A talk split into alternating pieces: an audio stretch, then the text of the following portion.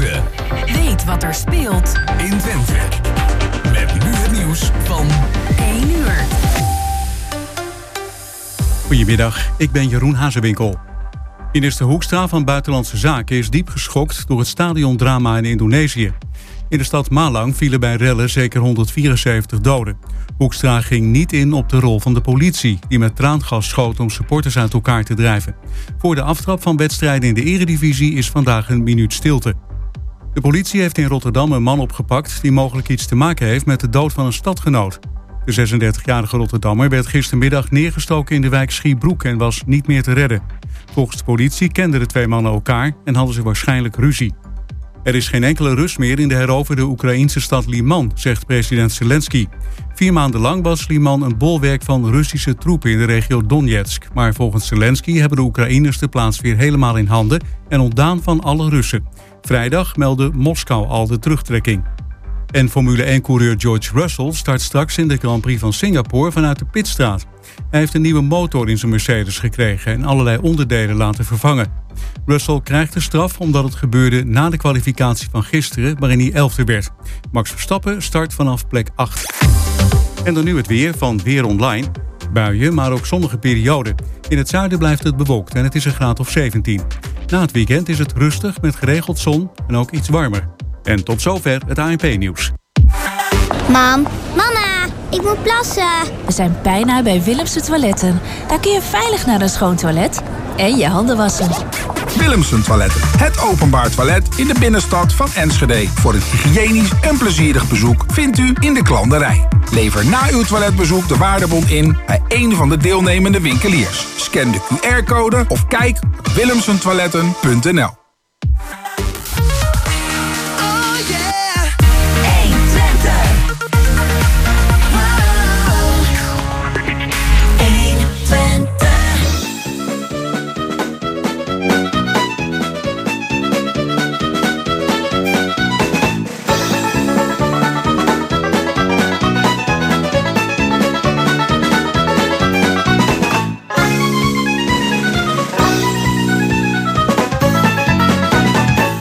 is eh, tijd voor kwartetten.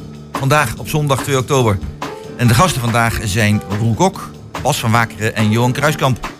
En de gasten zijn uitgenodigd door Jos Klasinski. En de organisatie was in handen van Emiel Urban. En die heeft ook voor koffie en thee gezorgd. Daar gaan we zo meteen, als we het eerste rondje gehad hebben, maar even wat van nemen. En dan, eh, ja, de techniek was in handen van, eh, is in handen van Peter Jan Schone. Altijd zegt de belangrijkste man weer, zeg ik altijd. Want het is ook zo, want zonder hem geen uitzending.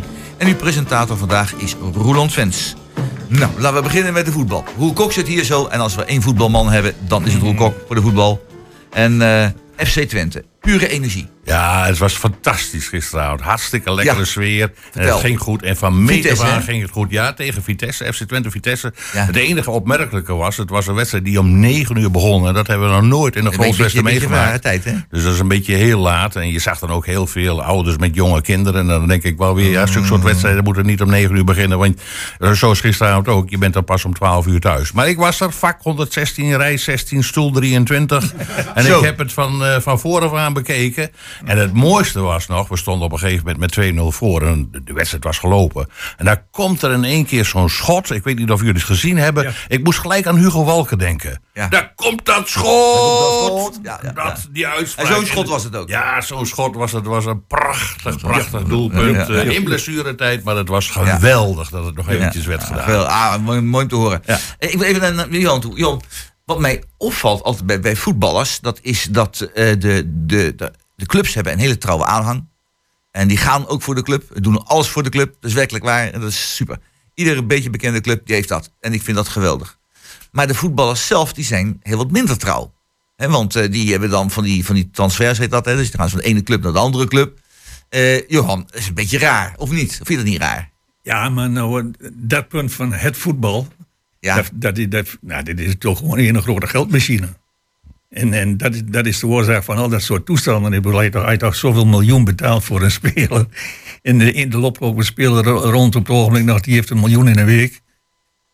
Ik denk dat het daardoor die dingen gewoon, ja, hij dat kapot gemaakt wilt noemen, dan kan dat. Maar die jongens die gaan gewoon voor het geld. ja. En natuurlijk ook wel voor de naam van de club een beetje. Maar de meesten gaan natuurlijk voor de centen. En dat vind ik op zich ook nog niet zo raar. Maar als je dat dan sport moet noemen, dan zeg ik maar gewoon Het is het meer, bedrijf voetbal. Bas, het is meer een bedrijf eigenlijk. Je zou kunnen Ja, zien, eh, voetbal is, een- profvoetbal is meer een... Zo'n club is meer een bedrijf. Een bedrijf wat een vorm van amusement biedt. eh, van hoog niveau. Hè? Dus eh, van... eh, Ja, betaald voetbal zeker. Ajax is zelfs op de, heeft, heeft aandeel uitgegeven. Ajax is zelfs een, een bedrijf op de beurs eh, de aandelen zijn verhandeld. Zo. Dus de, de voetbal, de echte topvoetbal, zeg maar, eh, is, is ja, commercieel en eh, bedrijfsmatig opgezet. ja. Maar dat is Is, dat, natuurlijk... is dat erg, Roel? Nou, nee, dat is absoluut, absoluut niet erg. Maar je moet er niet van uitgaan. Het zijn niet de voetballers die tegen de voetballers spelen. Het is een club die tegen een club speelt. Ja. En eh, FC Twente ook. Want ja, ik, ik, ik roep ook wel eens lachend van... kijk eens naar die mooie elf Twentse namen die op het veld staan.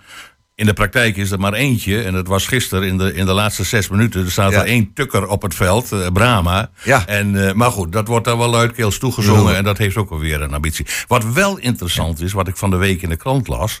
is dat FC Twente, de BVO... Ja. Dus, dus, dus is dat de BVO? gaat hun trainingscomplex verplaatsen van Hengelo Ja. Naar Enschede. In de omgeving van Ja, het oude oei. Diekmanstadion. Wat vind je ervan? Nou, ik geef jullie op een briefje, dat wordt een probleem hier in Hengelo. Want ik, eh, mijn stelling is van, dan wordt het tijd dat wij hier een FC Hengelo gaan oprichten. Alla Almelo heeft zijn Heracles. Yes, ja. Hengelo, groter dan Almelo, die moet ook zijn eigen eh, voetbalstadion eh, kunnen ontwikkelen. Dus eh, ik wil de knuppel wel in het hoenderok gooien door te stellen. En ik zeg dat op persoonlijke titel, maar ik wil het heel duidelijk stellen. Dan moeten Hengelo maar eens de clubs bijeen eh Is dat wat voor ATC om dat te gaan doen? Nou, ik, om te beginnen bij Je bent van ATC. ATC, hè? Ja, ja, ja, ik ben waarnemend voorzitter van ATC. Zo, kijk. Ik doe deze uitspraak op persoonlijke titel, dat Ja. zeg ik er heel Ja, erg bij. ja. Maar ik heb zoiets van, eh, het is FC Twente, maar als het trainingscomplex van Hengelo naar Enschede gaat, dan wordt het FC Enschede. Enschede. En dan zeg ik, dan moet Hengelo ook maar eens een keer een korte broek eh, aantrekken en zeggen van, tot hier en niet verder. Goed, Johan, wat vind jij daarvan? ben je het mee eens? Bedoel jij dan eh, ook een betaald voetbal? Ja, net als Heracles. Nou, dan zou ik er één ding graag van, van willen zeggen. Nee, prima, ik vind het allemaal goed. Maar gewoon allemaal uit, eh, uit particulier geld. En dan moet de gemeente niet... Ja, het is een eh, bedrijf, hè? Ja, maar dan niet, niet dat de gemeente daar het veld beschikbaar stelt en al dat soort dingen. Gewoon betalen, punt uit. En als dat er niet is, als dat de, de kaartjes die op kunnen brengen, dan heb je geen bestaansrecht. Zo, zo Ja, maar Johan, hoor eens even. Het is toch ook zo dat op dit moment eh, er dan ontzettend veel genoegen en vertier naar zo'n club gaat... waar het, het volk uit de gemeente heel veel eh, plezier van heeft. Dus ik vind, de gemeente mag er best wel op toeleggen. En Nee, zoals ik- nee, bijvoorbeeld de- hier, de, de Schouwburg hier zo, Ja, hè? Die wordt ook ja. gesubsidieerd. Want het is, het is een soort show wat je krijgt. Ja, ja, nee, akkoord. Maar de, mijn, mijn stelling is, dat moet dan uit de kaartjes betaald worden. En anders laat ze alsjeblieft in, Al, in Almelo en in Enschede Vind je dat van de. Schouwburg ook, Johan? Nee, Ja, eh, vind ik je een bent- ander- je Vind je een dat van het museum ook? Nee. jij bent bestuurlijk zeer ervaren, dus eh, vertel ons je- even van, hoe kijk je er tegenaan? Ja, om nou in Hengelo een aparte betaald voetbalorganisatie op te zetten, waar heel veel geld aan toe moet. Ja, ik, Roel heeft altijd wat mooie ideeën gehad in het verleden. Hij wilde ooit eens een monorail aanleggen. Dus Ja, ja, ja, Die Ja. er. Die zweefbaan, die Ja, komt die zweefbaan. Dus Roel heeft We zo- maken het niet meer mee, Roel, Roel heeft mooi idee, maar dat het idee om in Ja. Hengelo een, een commerciële voetbalclub op te zetten, met ook nog financiële ondersteuning van de gemeente. Nou, dat lijkt me dat, echt- laatste, dat laatste ligt Nee, gevoelig. nee dat, dat, dat zie ik niet zitten. Dat laatste Nee, ligt nee, gevoelig. nee. Ja, Nou, jullie moeten naar de toekomst kijken. Ja, doen we ook. Het gaat om visie, Ja, het gaat om toekomst. Ja. Ja, om, visie- nou, om, om ja. nou dan hier in Hengelo een club op te richten. Kijk, dat is in de tijd met, met Enschede Boys en, en Sportclub Enschede geda- gedaan, 1965 volgens mij. Ja. Ja, en toen was de situatie natuurlijk totaal anders. Ik heb al een naam, FC Stork City. Ja. Ja, Ja. echt vanuit ja, dat Hengelo. is- Almelo heeft een Heracles, straks krijgt Hengelo zijn FC City. ik denk dat we, de, voordat we hier eh, voetbalrellen krijgen, als wij als hooligans elkaar de haren vliegen, dat gaan we dus niet doen. Eh, voetbal is een fantastische sport en dat gaan we ook zo fantastisch houden. We gaan even verder kijken naar andere dingen die in de wereld eh, gebeurd zijn. Iets, iets anders. Er, is, er wordt nogal gediscussieerd. Ineens, plotseling, drie keer stond het in de krant van de week, dat de spoedpost in Hengelo gesloten gaat worden. En mijn eerste reactie was, nou als ik iets urgents heb, wat niet geschikt is voor de ambulance, maar toch, eh, toch wel een probleem. En het is vrijdag 11 uur 's avonds. Wat moet ik dan? Eh, Bas, wat moet ik dan? Om te beginnen moet ik je corrigeren. Goed, goed zo even. Ja, Want ja. jij zegt, de spoedpost wordt gesloten. Ja, Dat is niet zo. is niet zo. Er komt een onderzoek. Ja, De huisartsen zijn overdag zwaar overbelast. Ja. En ze gaan nu onderzoeken hoe ze daar wat aan kunnen doen. oké. En een oplossing zou kunnen zijn Zou de, kunnen zijn. om de spoedpost in Hengelo s'nachts te sluiten. Dus als je zegt hij gaat dicht, dat is dus niet zo. Er vindt een onderzoek plaats. Oké. En dan speelt daar een rol bij dat we het op dit moment alleen over het nachtelijke. Of willen we een eh, eh, huisartsenpost s'nachts open houden? Want die keus die ligt op tafel. Er zijn net twee huisartsen weggelopen in andere gemeenten. Ja, maar ja, goed. Dat, Ja, maar ik denk dat dat, eh Roel, dat, dat, in- dat zou ik ook direct voorstander van zijn. Maar als je gewoon kijkt hoe dat op dit moment in elkaar zit, dan kun je toch niet zeggen, laten we twee huisartsen meenemen. Waar we die Nee, weghalen? nee, het, je gaat om de keus. Nee, het gaat om de keus van of je hebt kosten of voor het een, of je brengt het geld naar eh, de investering voor twee extra huisartsen. Want die, daar gaat het om. Dat, dat is de Ja, keus die op die- tafel ligt. Maar die zijn er niet. Die, en die huisartsen welke niet. huisarts wil er nou nog, nog naar het platteland? Voor Hengelo is wat dat betreft met het platteland natuurlijk. Wie wil hier nog naartoe? Ja, nou, nou, nou, nou. Dan, moet Oh, je ook, nee. dan moet je ook niet weer zo zeggen van Hengelo is platteland. Nee, Hengelo heeft een st- stedelijk allure. Dus het heeft wel degelijk... eh, daarin zit de, de pijn niet. En van die huisartsenpost, wat ik veel opvallender vind is... Ik hoorde altijd in het verleden, als er maar iets gebeurde hier op het eh, ziekenhuis... dan stond de SP vooraan. Ik hoor de SP helemaal niet meer. Ja, nee, maar het is dat- op dit moment de PvdA. Ja, maar dat- dat- staat. Nou, weet je, je moet altijd oppassen. Als je, het is een onderzoek. Hè? En wat, je, wat je in Nederland heel veel ziet, iedereen praat over alles mee, want iedereen doet dat hij overal verstand van heeft. En dat geldt ook voor dit onderwerp. Ik zou zeggen, laat die huisartsen gewoon eens kijken wat de mogelijkheden zijn. Laat ze het onderzoeken. En waar ik toch heel veel moeite mee heb, dat is dat de, dat de politiek, waar ik zelf ook onderdeel van heb uitgemaakt, direct klaar staat met een oordeel. Hè, het kan Ja. niet, het mag niet, het is een schande. Partij van de Arbeid Ja, in de bres. stinkende best doen. En, da- Dat en vind ik, vind ik ja, zwaar overtrokken. Laat die huisartsen nou eens even kijken. Wat komt uit het onderzoek? En laat je dan verder over praten. Ja. Om nu al de stellingen te betrekken. Dat doen we heel vaak in de politiek. Dat was vijf jaar geleden met, met het ziekenhuis ook. ja. Ik vind dat vaak veel te prematuur. Eens. Ja. Eens. Ja, ja. Ja, ja, ja, Maar dan zit er zit er iets anders bij. We hebben net gezegd, hoe kom je aan die huisartsen? Eh, er worden nog nooit zoveel huisartsen opgeleid als in deze tijd. Dus heel erg veel. Alleen al deze huisartsen, en dat zijn dus in 9 van 10 gevallen zijn het vrouwen, als het niet meer is, die, eh, die zich allemaal weg aan parttime werken. Eh, de deeltime werk is in Nederland het hoogste aantal percentage van heel Europa. Ja, dus eh, moet daar niet wat meer druk op gezet worden? Dat die mensen meer uren gaan maken als huisarts? Ja, Eh, nou, ik denk de kern van het probleem is, wat ik op dit moment ook zie, dat de huisartsen in deeltijd gaan werken. Ja, ik, ik heb een, een schoonzoon, die is huisarts. En Ja. die zegt van, ik kan nog maar twee dagen eh, echt als huisarts werken. En dan ben ik vervolgens twee dagen met administratie bezig. ja. En dat is een groot probleem. Die bureaucratie eromheen. Die bureaucratie, alles wat er omheen zit, dat maakt het zo ingewikkeld. Ik maak elke vrijdag maak ik een haiku. Ik weet niet of jullie Twitter eh, volgen. En ik had afgelopen eh, vrijdag had ik een hele toepasselijke Twitter bedacht. Huisartsenpraktijk, administratiekantoor in het zorgstelsel. En zo zie ik het. En wij zouden een heel, heel stuk van die gezondheidszorg op kunnen lossen door die bureaucratie weg te halen. Laten we eens ophouden met al dat eh, eh, eh, noteren en dat, die administratie en, en die, die verzekeringstoestanden en, en noem maar op. Ik weet dat het ingewikkeld is. En dat is niet in één stap te zetten. Maar ik zou de uitdaging aan willen gaan in Nederland van zet daar nou eens grote stappen in. Ja. Johan? Ik, ik ben het daar eh, helemaal mee eens. Onze huisarts Simmerling die is net eh, een half jaar geleden eh, gestopt. Die was de oudste, 68 jaar. Maar die mocht Ja. dan ook een keer stoppen. Heeft in mijn beleving een pracht voor een huisarts eh, weer terug. Die heeft hij zelf ook een jaar in opleiding al gehad, mevrouw Hanning. Ja. Dat is allemaal wel goed. Maar ik ben het daar wel mee eens. We die hele romslomp eromheen eraf maken. En ik kan het niet meer veranderen. Het zal ook denk ik nooit weer veranderen. Maar die hele privatisering die hele marktwerking in de zorg is een complete fiasco. Ja. En je bedoelt dus marktwerking, dus dat, eh, dat de particuliere verzekeraars bepalen wat er gaat gebeuren. Dat hadden we als overheid nooit uit handen moeten geven. Ja. Dat is met, dat is met de zorg zo, dat is met een aantal dingen meer zo. Wij zijn aan het privatiseren geslagen en de markten die zouden het even maken. En ik denk dat het compleet fiasco is. Was, ben je het daarmee eens? Ik zie je fronsend Ja, kijken. nou, ik, ik, voor ik wethouder werd, eh, kwam ik natuurlijk uit, het ziekenhuizenwezen. Ik heb verschillende ziekenhuizen gewerkt. Ja. Ehm, de macht van, van de eh, verzekeraars is enorm toegenomen. Maar je ziet nu wel, sinds Edith Schippers eh, minister is geweest, dat die kosten niet meer zo explosief stijgen. Kijk, er werd, elk jaar gaven we steeds meer uit, dat doen we nog steeds.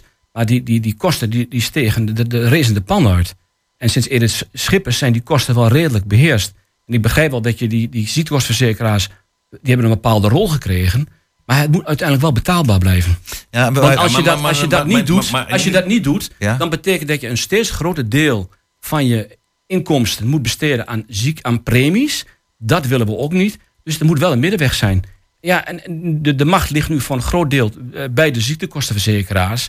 Ja, enerzijds zeg je dat is misschien niet goed, maar anderzijds, zij, zijn, zij letten wel op de centjes. Ja, tegelijkertijd zeg je twee dingen. En aan de ene kant zeg je van eh, de kosten moeten beheersbaar blijven. Aan de andere kant zeg je van de kosten die zijn door Edith Schippers beheersbaar geworden. Ja. maar ik denk, want ik ben, we hebben nou net weer Prinsjesdag gehad. Ja. En als ik eventjes naar de landelijke begroting be- eh, kijk. En dat er inmiddels meer dan 100 miljard. Het is, het is op onderhand eh, 25% van de totale. eh, eh, Nee, twee- 52% geven we uit aan zorg en sociale zaken. ja, precies. Maar helft. 25% alleen al aan de zorg. Dus Ja. maar daar maak ik me echt zorgen Ja, over. nou ja, maar daar, daar moet je inderdaad, daar, daar moet je kijken. Als we niet willen hè, dat een steeds groter deel van onze inkomsten opgaan aan, ziek, aan premies, hè, en dat willen we, ja, dan zul je toch maatregelen moeten nemen om die kosten be- verder nog beheersbaar te houden. Anders besteden wij een steeds groter bedrag van ons geld, wat we maandelijks of jaarlijks, aan, aan, de, aan de premies. En dat willen we ook niet. En, en zou dat helpen inderdaad om die administratie dan van die artsen dan terug te dringen? Helpt dat? Of is het juist... Nou, ik, ik, ik kom uit de ziekenhuiswereld. Ik, ik doe hier geen uitspraak over huisartspraktijken. Want daar weet ik gewoon te weinig van. Ja. ja. Dat is, dat is meestal de meest wijze mensen die zeggen op een gegeven moment... Daar weet ik te weinig van. Want de meeste Ja, mensen nee, die er geen ik- verstand van hebben... die nee, zeggen van hoe het moet. Ja, maar, ja, maar dat weet je. Er wordt gezegd, ja, de huisarts hebben zoveel administratieve Ja. eh, zaak. Dat geloof ik direct. Dat- dat maar, je maar, ik, ik- maar ik weet het niet. Ik, ik, ik heb daar nou met een huisarts Nou, nog nooit ik- over gesproken. Nou, Roel heeft het Ja, vanwege ik- zijn schoonzoon. Hè? Ja, ja, ja, dus ik heb het uit de praktijk horen zeggen. En, en het is ook wat jij zegt, Roland. eh, eh, het is op dit moment allemaal een heleboel eh, in opleiding. Ja, het zijn overzakelijk op dit moment vrouwen. En Ja. al die vrouwen die gaan allemaal in deeltijd werken. En dan Ja. hebben we wel meer huisartsen, maar je hebt minder uren. En, en dat is natuurlijk ook een probleem wat zich voortzet. Hebben we dit onderwijs ook gezien? In het onderwijs is het niet anders. Ik ben nog opgegroeid met dat ik mannelijke meesters had op de lagere school. Eén juf en de rest allemaal mannen. Ja, precies. Maar op dit moment, nou, je mag blij zijn dat je nog één man in het, eh, één man in Ja. het basisonderwijs Ja, tegenkomt directeur op- op ook. een- Maar Johan, Nou, zou er ook nog wat, wat, wat eh, mogelijkheden zijn in de, in de, in de aankoop, die, eh, de, de, de kosten, met name de medicijnen. Ik laat mij altijd vertellen dat er gigantisch veel geld naar de mensen die medicijnen maken. En dan gaan we natuurlijk wijzen, moet je eens kijken naar China en daar komt, daar komt alles weg. Ja. En dan moeten wij in Nederland ook maar medicijnenfabrieken zetten, dat denk ik ook. Maar uit het goedkoper wil, dan zul je dan ook de lonen van China mee moeten nemen. ja, hm. en dat is heel moeilijk. Ja, Mensen- dat, maar ja. Dat, dat vind ik ook een hele moeilijke. Want Ja. eh, bij de research en, en development van medicijnen... daar gaat zo ontzettend veel kosten in, in eh, zijn Ja, betrokken. ja. Omdat het jarenlange procedures eh, zijn. En ja, dat maakt het ook weer eens zo maakt het ingewikkeld. ook wel wat duur. Maar waarom kan het daar in China dan wel? En een goede kennis van mij, die is eh, nog niet zo lang geleden daar in, in Taiwan of zo geweest. Die haalt hier iedere maand voor 100 euro voor zijn hartproblemen. Hij had hetzelfde middel, hetzelfde, nee, alles hetzelfde, voor een tientje daar bij de, bij de apotheek weg. Ja. Ja. Nou, mensen, Ja, eh, een biertje kost daar ook 15 cent. Ja, Dus eh, goed. We zullen dit onderwerp afsluiten, want het is een, een pijnlijke zaak. Maar, maar we hopen dat de zorg in ieder geval eh, gezond kan blijven. En zowel letterlijk als figuurlijk. Yes. Eh, we kijken even verder en dat is het muziekje waar we gaan luisteren. En dat is van Michael Jackson en van Paul McCartney. C, C, C.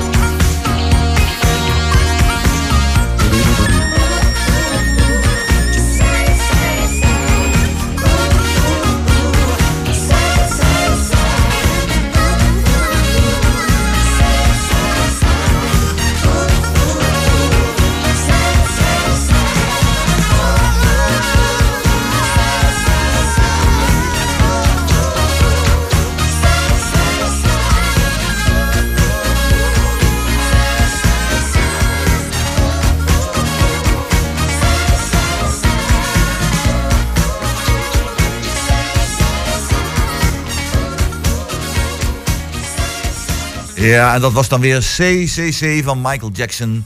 En niet te vergeten Paul McCartney. Eh, we gaan eens verder kijken van de week. Eh, ja, de, de vlaggen. Hè. Overal hangen vlaggen langs de weg. En ik zag gisteren bij een, eh, een spelshow van Holland Got Talent of zoiets in de richting... dat allerlei buitenlandse vlaggen werden gedragen en de Nederlandse vlag. Alleen die werd verkeerd om gedaan. En volgens mij was het zelf niet eens door. Die denken dat het normaal is dat blauw boven moet en rood onder. Nou, dat is toch een zaak dat een beetje, een beetje mee opviel. Maar die, vlaggen... die- eh, eh, Misschien kan ik daar ook nog een leuke anekdote vertellen. Ja. Want een vriend van mij die reed eh, in Sleeswijk-Holstein. Ja. Die was een paar dagen even een weekendje weg. En toen reed hij daar. En die zag allemaal vlaggen. blauw, wit, rood. Die denkt, zijn ze hier ook aan het protesteren? Dus hij is in Wikipedia ingedoken. Nee, dat is de vlag van Sleeswijk-Holstein. Ja, goed, de vlag hangt dus hier op zijn kop. En ik moet zeggen dat in Oostenrijk doen ze dat ook altijd al. De vlag op zijn kop hangen. In België doet het altijd al. al. Japan doet het altijd al. Altijd de vlag op zijn kop hangen. Maar Zwitserland. Goed, eh, Zwitserland ook. Doet het ook. Hangt de vlag op zijn kop.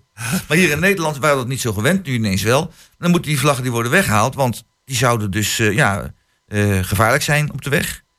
En, als de overheid dat doet, dan zijn, zijn er boeren, niet allemaal hoor, maar zijn er boeren die eh, noemt dat dan dat landverraders, dat die mensen die het weghalen, dat zijn, vind ik nogal een zware term. Eh, Bas, landverraders, als je die vlaggen weg moet halen, is dat nou... eh, Ja, ik, ik heb sowieso moeite met, met het ophangen van deze vlaggen. Ja. We praten al eh 15, 20 jaar over eh, de problematiek, de stikstofproblematiek. Ja. Ammoniak. Eh, iedereen weet dat en wat moet ge- gebeuren. Ja. Ja, misschien hebben de achtereenvolgende regeringen het een beetje voor zich uitgeschoven.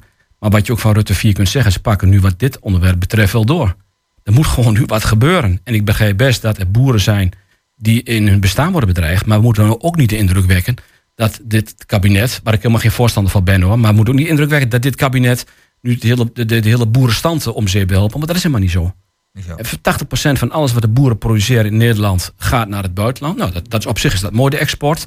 Maar het is niet zo als straks de helft van de veestapel weg is, dat we dan geen zuivel meer hebben in Nederland. Nee. Dus ik heb, grote, ik heb sowieso al grote moeite met, met de, het, het, het, het protest van, van hoe dat nu in Nederland gaat wat, wat dit betreft. Nou ja, en als er dan die vlag worden weggehaald en er worden bedreigingen geuit, ja, dat vind ik ook helemaal te, te, Nee, gek, dat kan niet. te, te gek voor woorden. Nee, ben mee. Geen woorden als landverrader vind ik wel heel erg zwaar. Maar je ziet het overal. Je ziet het eh, ook bij, bij Prinsjesdag. Dat, dat de koning en de Ja. koningin worden uitgescholden. Nogmaals, ik heb niks met, met, met, met het koningshuis. Maar ik vind het absoluut niet kunnen om, om nou het staatshoofd eh, op, op, op Prinsjesdag eh, uit te schelden.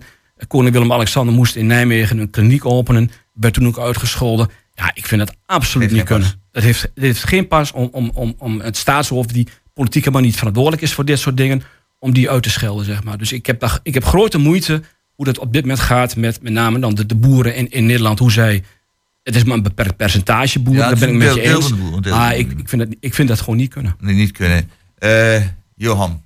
Ja, nou, ik heb net al gezegd, het is eh, minimaal eh, 20 jaar geleden was het exact bekend wat er nu dan staat te gebeuren. Ja. Eh, ik denk ook niet dat dit kabinet, dat, dat dit kabinet eh, daar nou zoveel eh, hand in heeft. Want ik denk dat de Raad van State gezegd heeft, als jullie zo doorgaan, dan gaan we geen huizen meer bouwen. Ik denk dat dat een veel groter stok achter de deur is dan... Ja, eh, dat die- is ook hard nodig. ja, ja, maar nou ja, dat is hard, nodig. Maar toen ik hier naartoe ging, was ook nog iets op de radio. Kijk, als wij die 900.000 woningen willen bouwen, dan mogen we, ik weet niet hoeveel asielzoekers erbij ophalen. En, en buitenlanders, van, dat is gewoon, gewoon geen volk. Ja, wie, de- bouwen, zeg moet die, wie, Ja. wie moet die huizen bouwen? Ja. Het, Ja, maar die, die buitenlanders die gaan ook in die woningen wonen natuurlijk. ja, nou ja, goed, maar laten ze dan ook die woningen maar bouwen. En dan niet, moet de FNV natuurlijk niet zeggen van, oh oh, ze nemen de bestaande, bestaande plaatsen in. Dus die mensen mogen niet Maar werken. doet FNV dat, zeg je? Oh, dat Ah, nou, dat- dat is dan nog niet zo lang Er geleden komen enorm veel handwerklieden tekort.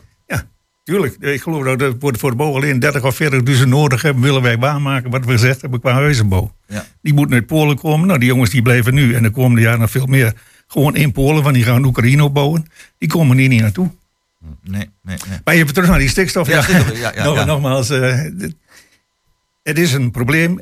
Wat ik deze, deze club wel eh, kwalijk neem, dat is dat gruwelijk, gruwelijk, ongelukkig bekendmaken, ongelukkig communiceren. Nou, dat er op vrijdagmiddag in één keer een papiertje de, de- over de tafel zwaait.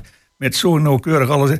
Super slecht. Ze, dat deel dat neem ik deze club wel kwalijk.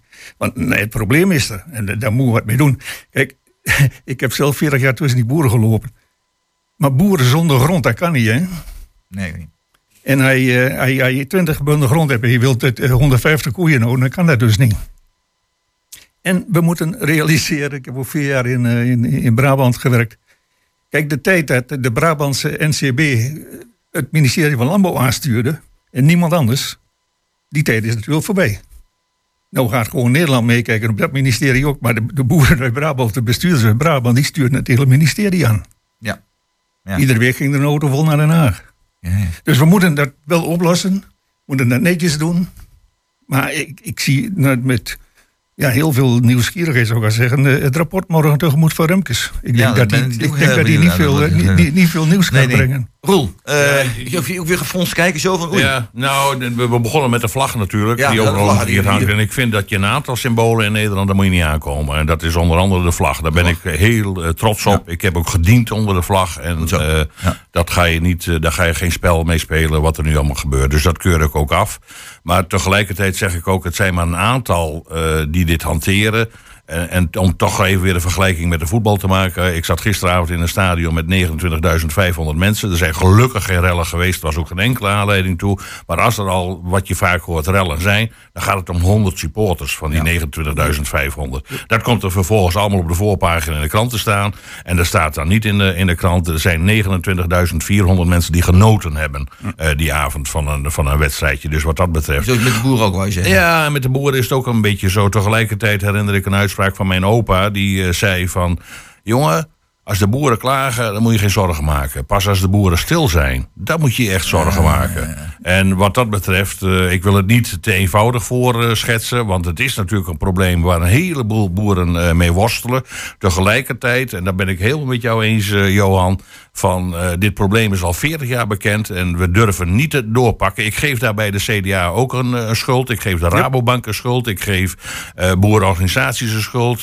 Ik geef mezelf de schuld dat ik daar ook niet in eh, ben opgestaan. En wat dat er gaat, ik ben, een, eh, ik ben iemand die houdt van, eh, van een politiek of, of, of, of van als je iets weet, ja, er hoeft er maar één te beginnen.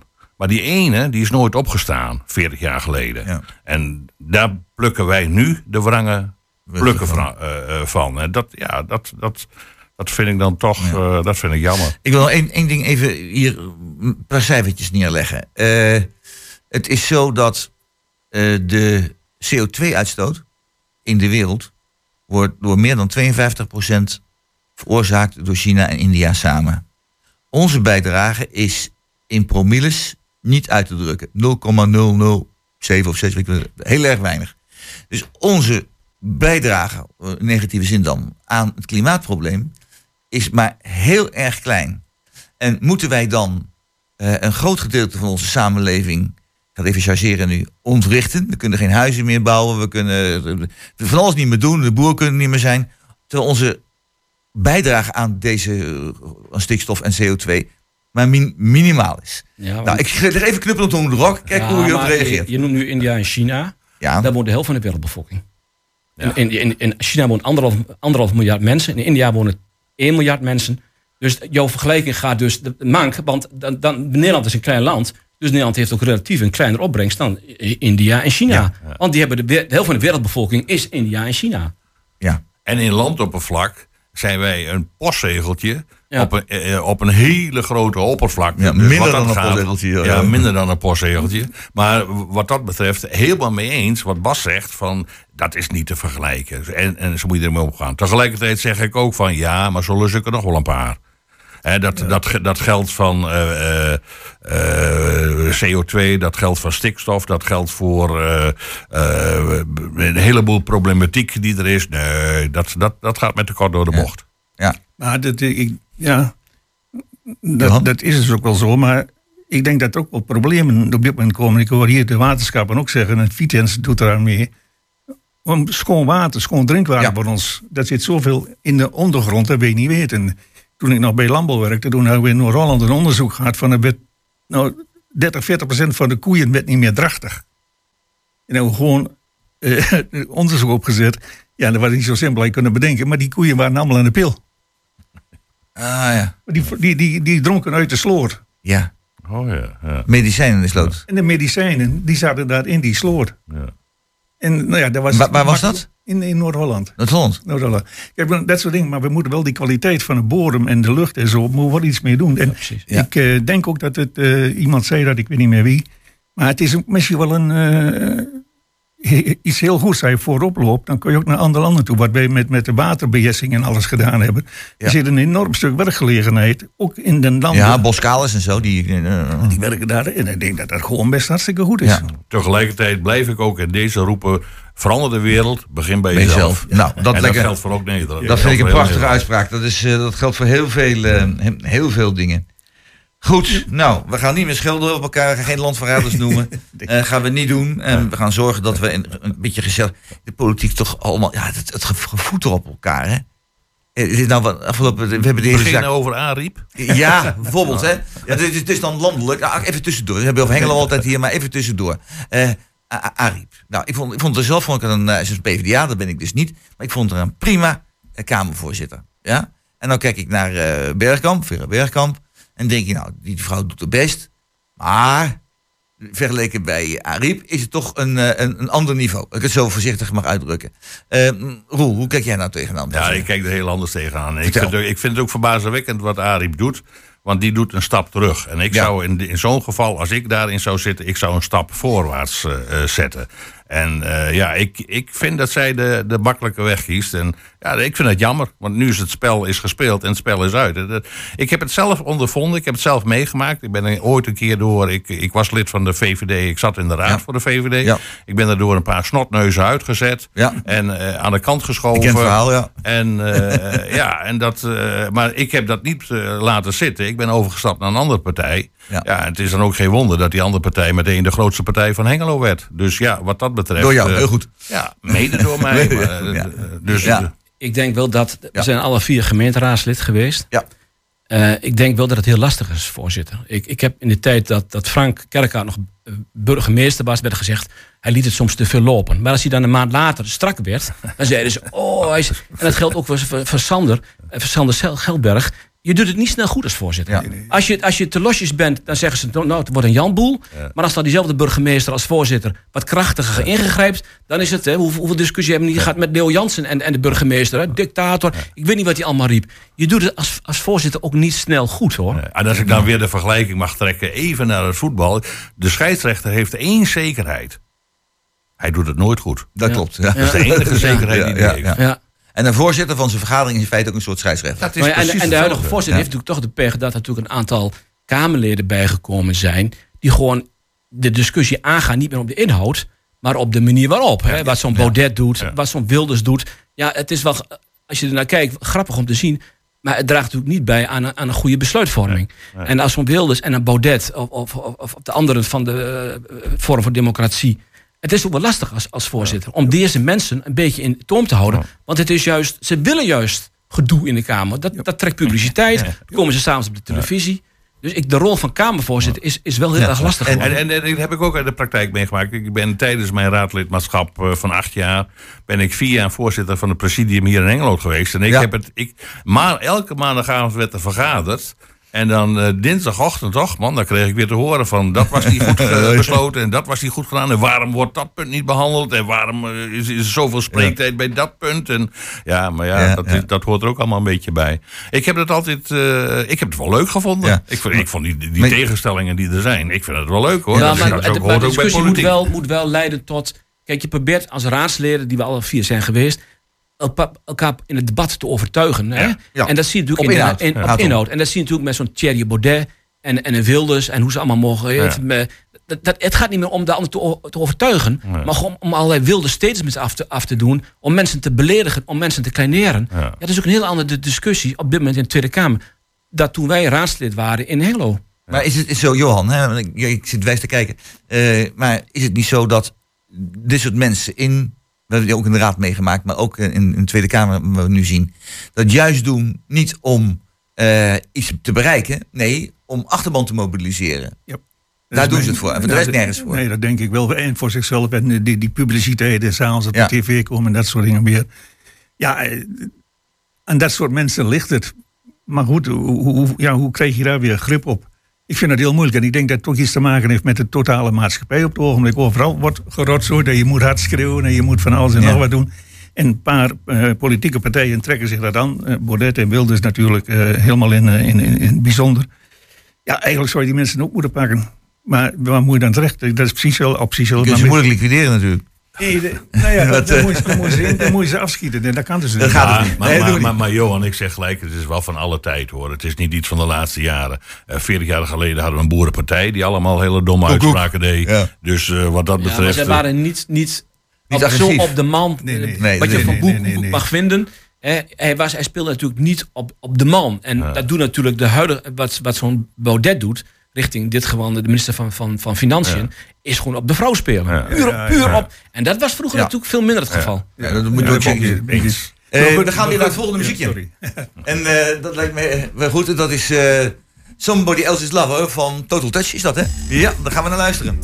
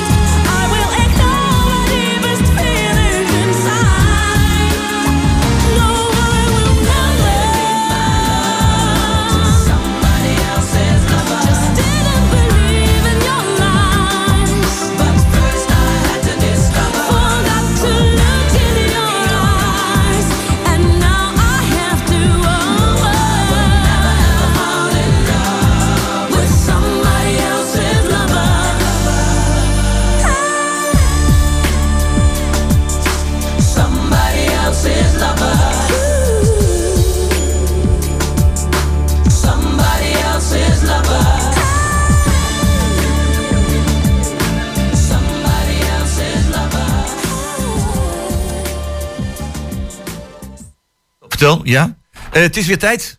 we gaan weer verder. Ja, er was ondertussen een telefoontje, dus dat gaat ook allemaal gebeuren. Hè. Eh, we gaan het hebben vandaag over Twente Milieu. Twente Milieu. En die bestaat 25 jaar. 25 miljard. Eh, ja, dat is, het is geweldig. Ik herinner me van heel vroeger als klein kind. Hadden we een vuilniswagen en die vuilnismannen waren altijd mannen. Nu zijn er ook vrouwen bij Twente Milieu, heb ik gezien. Maar die zijn... En die, en die gooiden dan die enorme zware asbakken, noemen we die, die, die, die zinken dingen. Die gooiden ze dan met grote kracht naar binnen toe. Heel zwaar werk. Nu gaat alles mooi automatisch. Eh, geweldige vooruitgang. Eh, Bas, jij was in de tijd wethouder ook van eh, deze club zo'n beetje. Mag ik dat zo noemen? Of, Ja, ik had onder andere het mooie dossier afval in mijn portefeuille. Ja. Ehm, lastig dossier. Ja, dat was Want iedereen vindt er ook wat van. Iedereen heeft afval, dus iedereen vindt er wat van. Ja, iedereen ontevreden over de scheiding en zo. Nou ja, niet iedereen, maar een, een kleine, kleine Ja. minderheid was heel ontevreden. En was eh, ook daarvoor eh, ja, heel luidruchtig, zeg maar. Daardoor had je het idee dat iedereen ontevreden was. Dat is zeker niet zo. Nou ja, er stond van, eh, van de week een artikel in de krant...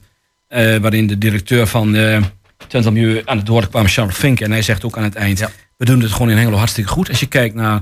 eh, ik weet niet hoe het nu op is, maar eh, 75 kilogram restafval per inwoner eh, per jaar. Dat is gewoon eh, landelijk een fantastisch eh, goed, goed Ja. iets. Maar ja, en natuurlijk de discussie. eh, eh, op dit moment is het wat afval betreft vrij rustig volgens mij in de politiek in Hengelo. Ja, de, de, ook, ook Charles Vinkers zegt zegt heel duidelijk... je moet inderdaad eh, goede bronscheiding doen... en niet alles bij elkaar gooien. En dat Twente Milieu nog eens uit elkaar moet halen. Dus ik denk dat we in Hengelo, eh, eh, eh, wat afval betreft... eh, eh, eh, ja, het goed doen. Er zijn natuurlijk altijd, in mijn tijd waren er ongeveer 10, 15 plekken... waar heel veel eh, dumping was. Daar moet inderdaad tegen Ja, opgetreden worden. Daar waren we ook al mee bezig, met steeds, camera's eh, en zo. dumping. Maar over het algemeen ben ik, eh, kunnen we best eh, heel tevreden zijn over het afvalbeleid in Hengelo. Ja. Johan. Eén ding, wat dat, dat, dat denk ik iets anders over. Of misschien wel heel veel anders Nou, laat horen. Dat scheiding, dat scheiding aan de bron. Ik ga er per week minder in geloven. En ze hebben blijkbaar heel goede eh, apparaten. eh eh, scheidingsmogelijkheden centraal. In mijn beleving mag het nog iets meer kosten. Dan hoef ik iedere keer niet met twee of drie verschillende bussen naar de straat te lopen. Scheiding op boelderzoek. Nascheiding op boelderzoek. En dan één, één afvalbak. Waarom is, waarom is dat nou beter? Omdat ik hoor hoeveel er gewoon verbrand moet worden, ook van het plastic. 40, 50 procent. Er is zoveel rotzooi bij in, die kun je niet meer eh, recyclen of wat dan ook.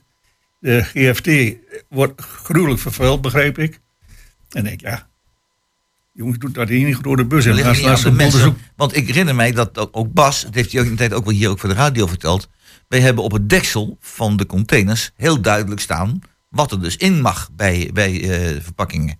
Hè, dus eh, dan, dan weet je dus precies wat je erin moet gooien en wat niet. Ja, maar je denkt toch niet dat de, dat de doorsnee burger daarop kijkt, wat moet erin? Ze hebben niets in handen, dan moeten ze kwijt. En het eerste bek was het inkomen onder het been. Ja, nou onders, onderschat je de Ik, ja, burger ik, denk ik eh, een ik- beetje. ik overdrijf Maar, iets, dat weet ik, Ja. Kijk, eh, er werd ook in het, in het vorige college gepraat over eh, nascheiden. Ja. Maar gewoon, dat zou dan op de bollenzoek moeten komen. Nou, er zou een onderzoek komen. Ik, dat onderzoek zal ondertussen wel, wel eh, klaar zijn. En dat bleek dat gewoon na, eh, nascheiden in, in Twente niet haalbaar is. Daarvoor is gewoon die installatie te duur voor te weinig mensen. Dat was het lastige. Twents wilde eh, best eh, gaan nadenken over nascheiden. Maar we zitten hier met een half miljoen inwoners in Twente. en een deel van de Achterhoek 650.000. Misschien ietsje meer.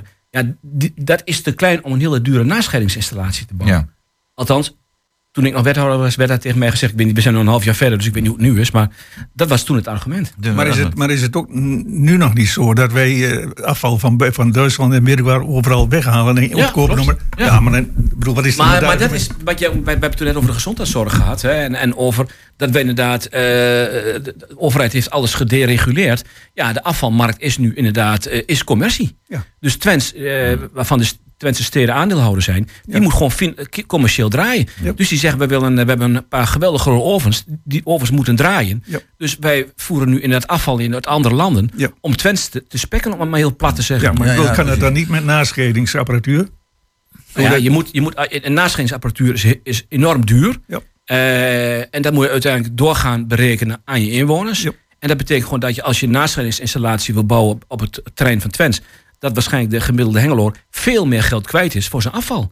En wil hij dat? Dat is de vraag. Ja, ja, nee, ja, Ja, cool. dat is de vraag. Roel, hoe kijk je er tegenaan? Nou, in de eerste plaats wil ik eh, Twente Milieu met eh, feliciteren met hun 25 25 jaar, Ja. eh, jubileum. Dus dat was het al heel mooi. Ik vond ook dat ze een hartstikke mooi programma hadden ontwikkeld. Op al hun locaties eh, leuke fietstochten georganiseerd. Ja, ja. Dus dat was ook De hartstikke leuk. Ja. Ja. Het jammere was wel dat het gisteren wat eh, regenachtig was. Ja. Eh, alhoewel, ik was de hele middag was ik buiten en ik eh, kwam thuis en ik zeg van, goh, ik heb een lekkere middag gehad. En toen zei mijn vrouw van, maar het heeft al de hele middag geregend. Ja, als je binnen zit, dan denk je dat het de hele dag geregend heeft. Terwijl als je buiten bent, dan valt het mee. Ja, zo gaat het veel in Nederland. Mijn ervaring met het afval is... eh, mijn vrouw en ik betrapten ons er zelf op dat wij, eh, toen dit allemaal gereguleerd werd, dat wij veel minder afval eh, creëerden. En die cijfers dat we aanvankelijk op 135 kilo per jaar afval zaten, hier gemiddeld in, in Hengelo, dat dat is teruggedrongen naar, wat ik nu net Bas hoor zeggen, naar ve- 75 kilo. Nou, dat is behoorlijk. dat, dat, dat, en dat heeft er toch mee te maken, dat merk ik bij mezelf, dat wij er beter op zijn gaan, gaan letten van waar je je afval naartoe doet. Eh, maar ja, ik ben bang dat ik geen doorsnee ben. En eh, wij waren er op een gegeven moment fanatiek op. En dat is wat Johan natuurlijk ook een beetje eh, zegt. En als ik de geluiden goed hoor en de krantartikel goed lees... dan is er heel veel vervuiling in het groenafval, in het plastic afval. Allemaal afval wat wel in de oranje container wordt gedonderd... wat niet in het, bij het... En, en dan zou je, als ik dat lijn mag doortrekken, zou het betekenen dat 75 kilo relatief is. Want eigenlijk zou het meer moeten zijn, omdat er zoveel zit in, de, in die andere twee Ja. containers. Nou, en wat ik natuurlijk hartstikke spannend vind, is dat zoals wij er hier in Hengelo mee omgaan en zoals wij erover praten en, en, en met onze doelen ons stellen, dat in Almelo nou juist die een heel ander geluid eh, te horen is. En die willen helemaal naar de, naar de nascheiding toe, omdat die zeggen van ja, er is zo vervuiling in het afval van eh, dit heeft geen zin meer om het te doen, laten we het doen. En dat is landelijk natuurlijk ook zo. Er zijn in, in, in Friesland een aantal gemeenten die zijn omgegaan van eh, voorscheiding naar nascheiding. In Noord-Holland is het ook het geval. Ik merk ook dat de, bij Alkmaar in, de, eh, in, de, in, in zo'n afvalverwerkingsbedrijf, dat daar ook de machines daar nu op worden ingericht op, op, op nascheiding. Dat het ook wat meer betaalbaar is geworden en, en noem maar op. Ja, ik vind het spannend. Ja, als je mij vraagt van wat ik er nou werkelijk van vind. Ik, ik blijf een man van, eh, van voorscheiding. Ik- Wat dat er gaat. Ja. Eh, Bas Assing van Twente Milieu, de, de, de, de beleidsman daar, die heeft mij een keer eh, tot in de haren na uitgelegd hoe het nou allemaal zit en hoe het allemaal werkt en wat nou het beste is. En in, daar geloof ik in, wat hij heeft gezegd. Dus wat dat er gaat, blijf ik een ferm voorstander van de voorscheiding. Ja, nou precies. Nou goed, Bas Assing, ik ken hem goed. Het is eh oud-leerling van mij. Prima leerling trouwens in de tijd. Eh, we gaan even verder kijken. We hebben het nou gehad over eh, die 25 jaar dat het Twente Milieu eh, bestaat. Ehm, Bas, hoe zie je de toekomst? Want ik schreef net aan het begin, zei ik al, van er is een enorm verschil tussen 50 jaar geleden, hoe met afval omgegaan werd, en nu. Hoe, hoe- denk je dan, een beetje fantaserend, we hebben er even tijd voor misschien, hoe gaat afval in de toekomst eh, gebeuren? Wordt het zo dat de mensen dan eh, helemaal niets meer hoeven te doen, dat alles geregeld wordt? Of gaan ze nu alles zelf doen? Wat, wat gaan ze doen? Ja, de toekomst is natuurlijk wel heel... Het is een beetje moeilijk, hè? Heel groot. Heel, Ja, maar, maar belangrijk is zo even wat, wat gedachten. Het belangrijkste is natuurlijk dat heel veel PMD, wat Johan ook net zei, is vervuild. Dus je moet ervoor zorgen dat... PMD is? Dat is plastic. Plastic, ja. en, metaal en, en drankverpakking. Dat je dus zeg maar in de container gooit met oranje deksel. Ja, daar komt inderdaad meer, meer statiegeld op. Zodat mensen hun flesjes eh, terug gaan Ah, brengen. Daardoor hopen we inderdaad in Nederland dat we dat, PMD al, al sterk gaan, gaan reduceren, zeg maar. Ja. Ja. Dat gaat sowieso dus al, al Ja, nou, de overheid, de Rijksoverheid, daar is de jaren geduurd, die is er nu wel mee bezig. Ehm, ja, en op, op langere termijn eh, we, we zullen toch minder afval krijgen. En afval dat we hebben moet worden ge- gerecycled. Dus de industrie moet gaan rekening houden met alle verpakkingsmateriaal. Dat moet uiteindelijk toch weer terug, zeg maar, als, als eh, herbruikbaar. Ja. En niet eh, alles, eh, alles verbranden. Oké. Johan. Nou, ik vind dat een, een, een- een mooi voorbeeld daarvan vind ik bij, bij Albert Heijn. Daar pak je zo vroeger groente en alles en dan is de plastic zak, huppakee. Maar die hebben die plastic zakken niet meer. Die hangen nou gewoon, gewoon zakjes en die, die eerste die koop je. En de volgende keer neem je het gewoon mee en dan Ja. neem je je eigen spullen mee. Nou, dat soort dingen, dat is ook wat, wat Bas zegt. Daar zullen we veel meer op moeten letten. Eh, recycling, maar dan ook eh, flessen weer innemen, statiegeld op flessen, op blikjes. Nou, dat soort spullen. Ik denk dat je daar heel veel dan mee kunt komen. Zeker. En in de praktijk kom je nog een probleem tegen. We hebben een lijstje aan de, aan de binnenkant van eh, de kamerdeur hangen van wat nou wel bij plastic mag en wat niet. Want dan heb je weer hard plastic, dat mag er weer niet niet. in. En eh, soms dan hebben we weer iets, dan zegt mijn vrouw van... eh, waar moet Chipzakken dat in? mag ook niet. Eh, Ja, ja, allemaal dat soort dingen. Chipzakken mag nu wel trouwens. Mag dat nu wel? Ja, ja, ja, wel? ja, ja. Maar het is wel lastig. Ja, het is, het is- lastig het is voor heel de lastig, gemiddelde inwoner. Wat mag er nou wel en wat mag er nou niet? Ja. Dat, dat klopt, ben je eens. Ja. Dus eh, eh, ja, en dat is een categorie, dat maakt het ook allemaal weer ingewikkelder. En ja, dat, dat, daar speelt de discussie natuurlijk ook over van eh, wat, wat moet je uiteindelijk doen. Maar ik denk dat wij nog steeds in Hengelo een goed systeem hebben. En dat zolang dat cijfer blijft zakken, en dat doet het nu nog steeds elk het, jaar. moet, het moet naar het 50 kilo. Hè? Het Dat moet is- naar dat- 50 dat- kilo. ja. Ah, Ja, ja, ja. Maar als we dat hebben, dan hebben we ook een landelijke primeur. Want dat wordt nog nergens gepresteerd. Zeker. Goed, we sluiten dit onderwerp af. We hebben nog een paar minuten over. Een minuut of vijf echte praktische tijd. We hebben het over het spoorfietsen. Het spoorfietsen.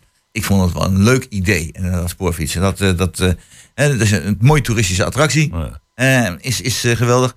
Roel, je zit in jouw jat te zeggen. Ja, maar, ja, maar jij- begint over, ja, het is allemaal leuk en dat spoorfietsen. En eh, dat is ook leuk. Maar het probleem wat we van de week in de krant lazen was natuurlijk, we willen het nog mooier maken. Alleen het wordt door een aantal eh, belanghebbenden tegengehouden. Waarom om, doen ze dat? Om het, eh, om het uit te breiden. Ja, dat zijn allemaal belangen van de een die vindt het leuk om recreatie in de achtertuin te hebben. En de ander die verzet zich ertegen. En, gewoon meer een paar honderd meter vandaan. ja, ja, ja, het is de belangengroep uit Oele die heeft gezegd van eh, tot hier en niet verder. En eh, ja, de, de ontwikkeling, eh, die, die...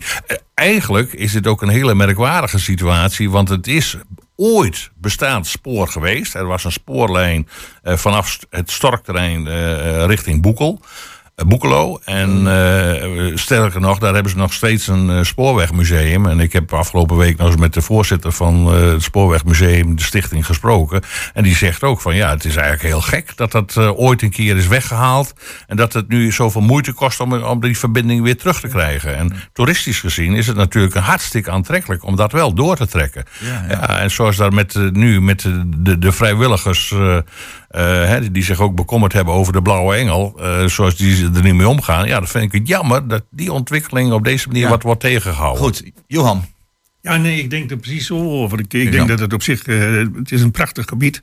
En als mensen daar graag willen fietsen, dan eh, wat mij betreft, ja, waarom, waarom niet? Ik snap dat niet. het vervuilt niet, Dat er natuurlijk een paar mensen zijn die daar probleempjes van zien. En ook, ik denk, ook wel eerlijk denken dat, dat ze wat problemen krijgen. Maar ja, als we zo met allerlei dingen omgaan, dan als er iemand is die er ergens bezwaar tegen heeft, dan kun je in Hengelo de tent ook wel sluiten. Ja, dat zijn heel veel dingen. Bas, ben je het ermee eens? Nou, de- de- ja, ik ben het helemaal mee eens. Kijk, de, de, de, de angst van sommige van de omwonenden is als dat spoorfietsen inderdaad eh, nog verder doorgaat, dat er dan allerlei mensen in groepen zijn met, met drank en zo. Maar ik weet gewoon heel, eh, Julian Knol, zeg maar de voorzitter van de stichting, heeft ook wel gezegd, dat willen wij niet. We willen dus geen groepen die met bier en studenten met, met, met, met, met allerlei drank daar gebruik van maken. Het moet iets voor de familie zijn, leuk. Dus die omwonenden, die, ik denk dat de omwonenden zich zorgen maken over iets waar ze zich eigenlijk op dit moment helemaal geen zorgen over maken. Dat wordt geen groot commercieel gebeuren. Het is een Nee. stichting die wil dat lijntje exploiteren. En van alcoholmisbruik is absoluut geen sprake. Ja, men, men- er worden beren op de weg gezien. En dat, dat geloof ik ook. Dat, eh, dat denk ik ook van. Dit is een doelgroep. Ach man, daar mag je blij mee zijn dat je dat, eh, eh, deze gelegenheid eh, biedt. ja. Nee. Het, is een, het is ook een leuke toeristische trekpleister Ja. straks. Ja. Je bent bij de Waarbeek. Ja. je- de- de- de- er zijn misschien Ja. mogelijkheden om met andere organisaties wat Ja. te gaan doen. Ja. Zoals, zoals eh OIVO. Dus wat dat betreft, Ja. ik denk dat, dat het spoorfiets van Hengelo Ja. echt, een, een, echt, echt mooi is. Ja. Nou, één dingetje over fietsen. Er stond in de krant dat er eh, veel bonnen en complimenten werden gegeven bij de controle op de F35. De fietssnelweg. Ja. En, want snorfietsers en ook andere elektrische fietsen, e-bikes, pedelecs, eh, allemaal veel te hard. Vinden jullie eigenlijk niet dat die fietssnelweg verboden moet worden voor ouderwetse fietsen? Dus fietsen die gewoon aangetrapt moeten worden en dat, eh, dat eh, ja, Ja, verboden Roland, moeten worden. Roland. Ja. Ja.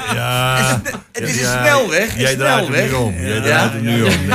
ik denk dat die andere jongens eens een keer bij de ja, Die met die eh, fietsen met 25 en 30 kilometer voorbij rijden en je dan ook nog omverrijden en zo. Dat volk dat moet op de, op de grond. Is je, noodloos. je, je begrijpt wel, Johan, dat ik dit eens Ja, nee, nee, nee, nee, Maar het is inderdaad wel te zot voor woord dat je als gewone fietser, hè, terwijl je dus eh, echt ve- veilig wil fietsen, en dat, eh, dat je dan inderdaad van de weg geduwd wordt door, door speedpedelecs en door snorfietsen. En mij ook overkomen, dus eh, Technisch niet gezien leuk. is het natuurlijk ook volstrekt een, een vreselijk groot probleem met die verschillende snelheid. Ja. Gewone fietsers, wandelaars, de de, de, de- met de e-bikes. En dan krijg je nog weer die super e-bikes. Ja, die pedelecs, ja. En dan heb je in één keer zo'n groep van 10 of 15 van die jongens die meer dan te moeten rennen. De wielrenners. Je hebt vier, vijf verschillende snelheden op dat smalle padje. Ja. Dat komt nooit goed. Nee, dat had niet. Ja. Die, Ja, je zult de- moeten scheiden. Ja, de oplossing is uh, dubbelbaansmaak. Ja. Met het autoverkeer is het precies zo gegaan. Eh, Je, je had op een gegeven moment vrachtverkeer en je had de, de passagier, de, de automobilisten. Ja. en dat zat elkaar een beetje eh, tegen. En toen werden er maar twee dubbelbaans Dubbelbaans, aangelegd. De ja. autobanen uit eh, Misschien moet het hier ook gebeuren. En Misschien moet het Ja, hier ook ook wel eh, gebeuren, ja. ja. En, en, en- ja, dus eh, de rechterkant is voor de, voor de gewone fietsen en de, en de linkerkant voor, eh, voor de racers, als ik het zo mag zeggen. Ja, maar ik denk dat de oplossing is, we moeten een beetje rekening houden met elkaar. Ja. Hè, Bas, jij bent ook zo'n man Ja, die zegt ja, van... Ja, eh, natuurlijk. Maar het, het, het verbaast me ook wel. Ik, ik fiets toch vrij pittig. Maar dan word ik soms gepasseerd van mensen die wel 30, 40 jaar ouder zijn dan ik. Ik denk, hoe kan dat nou? Ja, maar dan zo'n elektrisch fietsje. eh, Dat vliegt voorbij. Ja, precies. Ja, Ja, precies. maar Onze schoondochter die werkt in het ziekenhuis en eh, de apotheek in Almelo en Engelo ook af en toe. Maar je wilt ook niet weten hoeveel ongelukken naar binnen komen. hè, met die, met die oude mensen. de Die oude mensen. dat ding compleet niet in onder Ja. controle Er wordt nou reclame gemaakt voor helmpjes. Maar ik zit op de klok te kijken en tot mijn afgrijzen is het al bijna voorbij het uur. Het gaat razendsnel. Nou, hier bij mij aan tafel zaten eh Roel Kok. Eh, dus eh, de heer tegenover mij, die glimlacht heel vriendelijk. en maar, ja. En dan eh Bas van Wakeren eh, is, weer een, eh, is weer helemaal aanwezig. En dan Johan Kruiskamp, ook weer. Drie oude getrouwen die eh, vandaag dat gesprek met elkaar gevoerd hebben. Uw presentator was eh Roland Vens. Het uitnodigen van de gasten, deze gasten, was er in handen van Jos Klazinski. En doet altijd fantastisch. Organisatie Emiel Urban. Heeft alles klaargezet, ook de koffie en de thee. En de techniek, de belangrijkste man weer, is Peter Jan Schone. En hij heeft het weer eh, perfect gedaan. Eh, dus ja, het programma is nu bijna afgelopen. We hebben nog één minuutje. Wie wil nog één zin zeggen ter afsluiting? Eén zin waar je zegt van, nou, dat moeten de luisteraars nog even weten. Eén zin, dit vinden wij belangrijk. Ik zie je even pijnzend kijken, want ik overval jullie hiermee.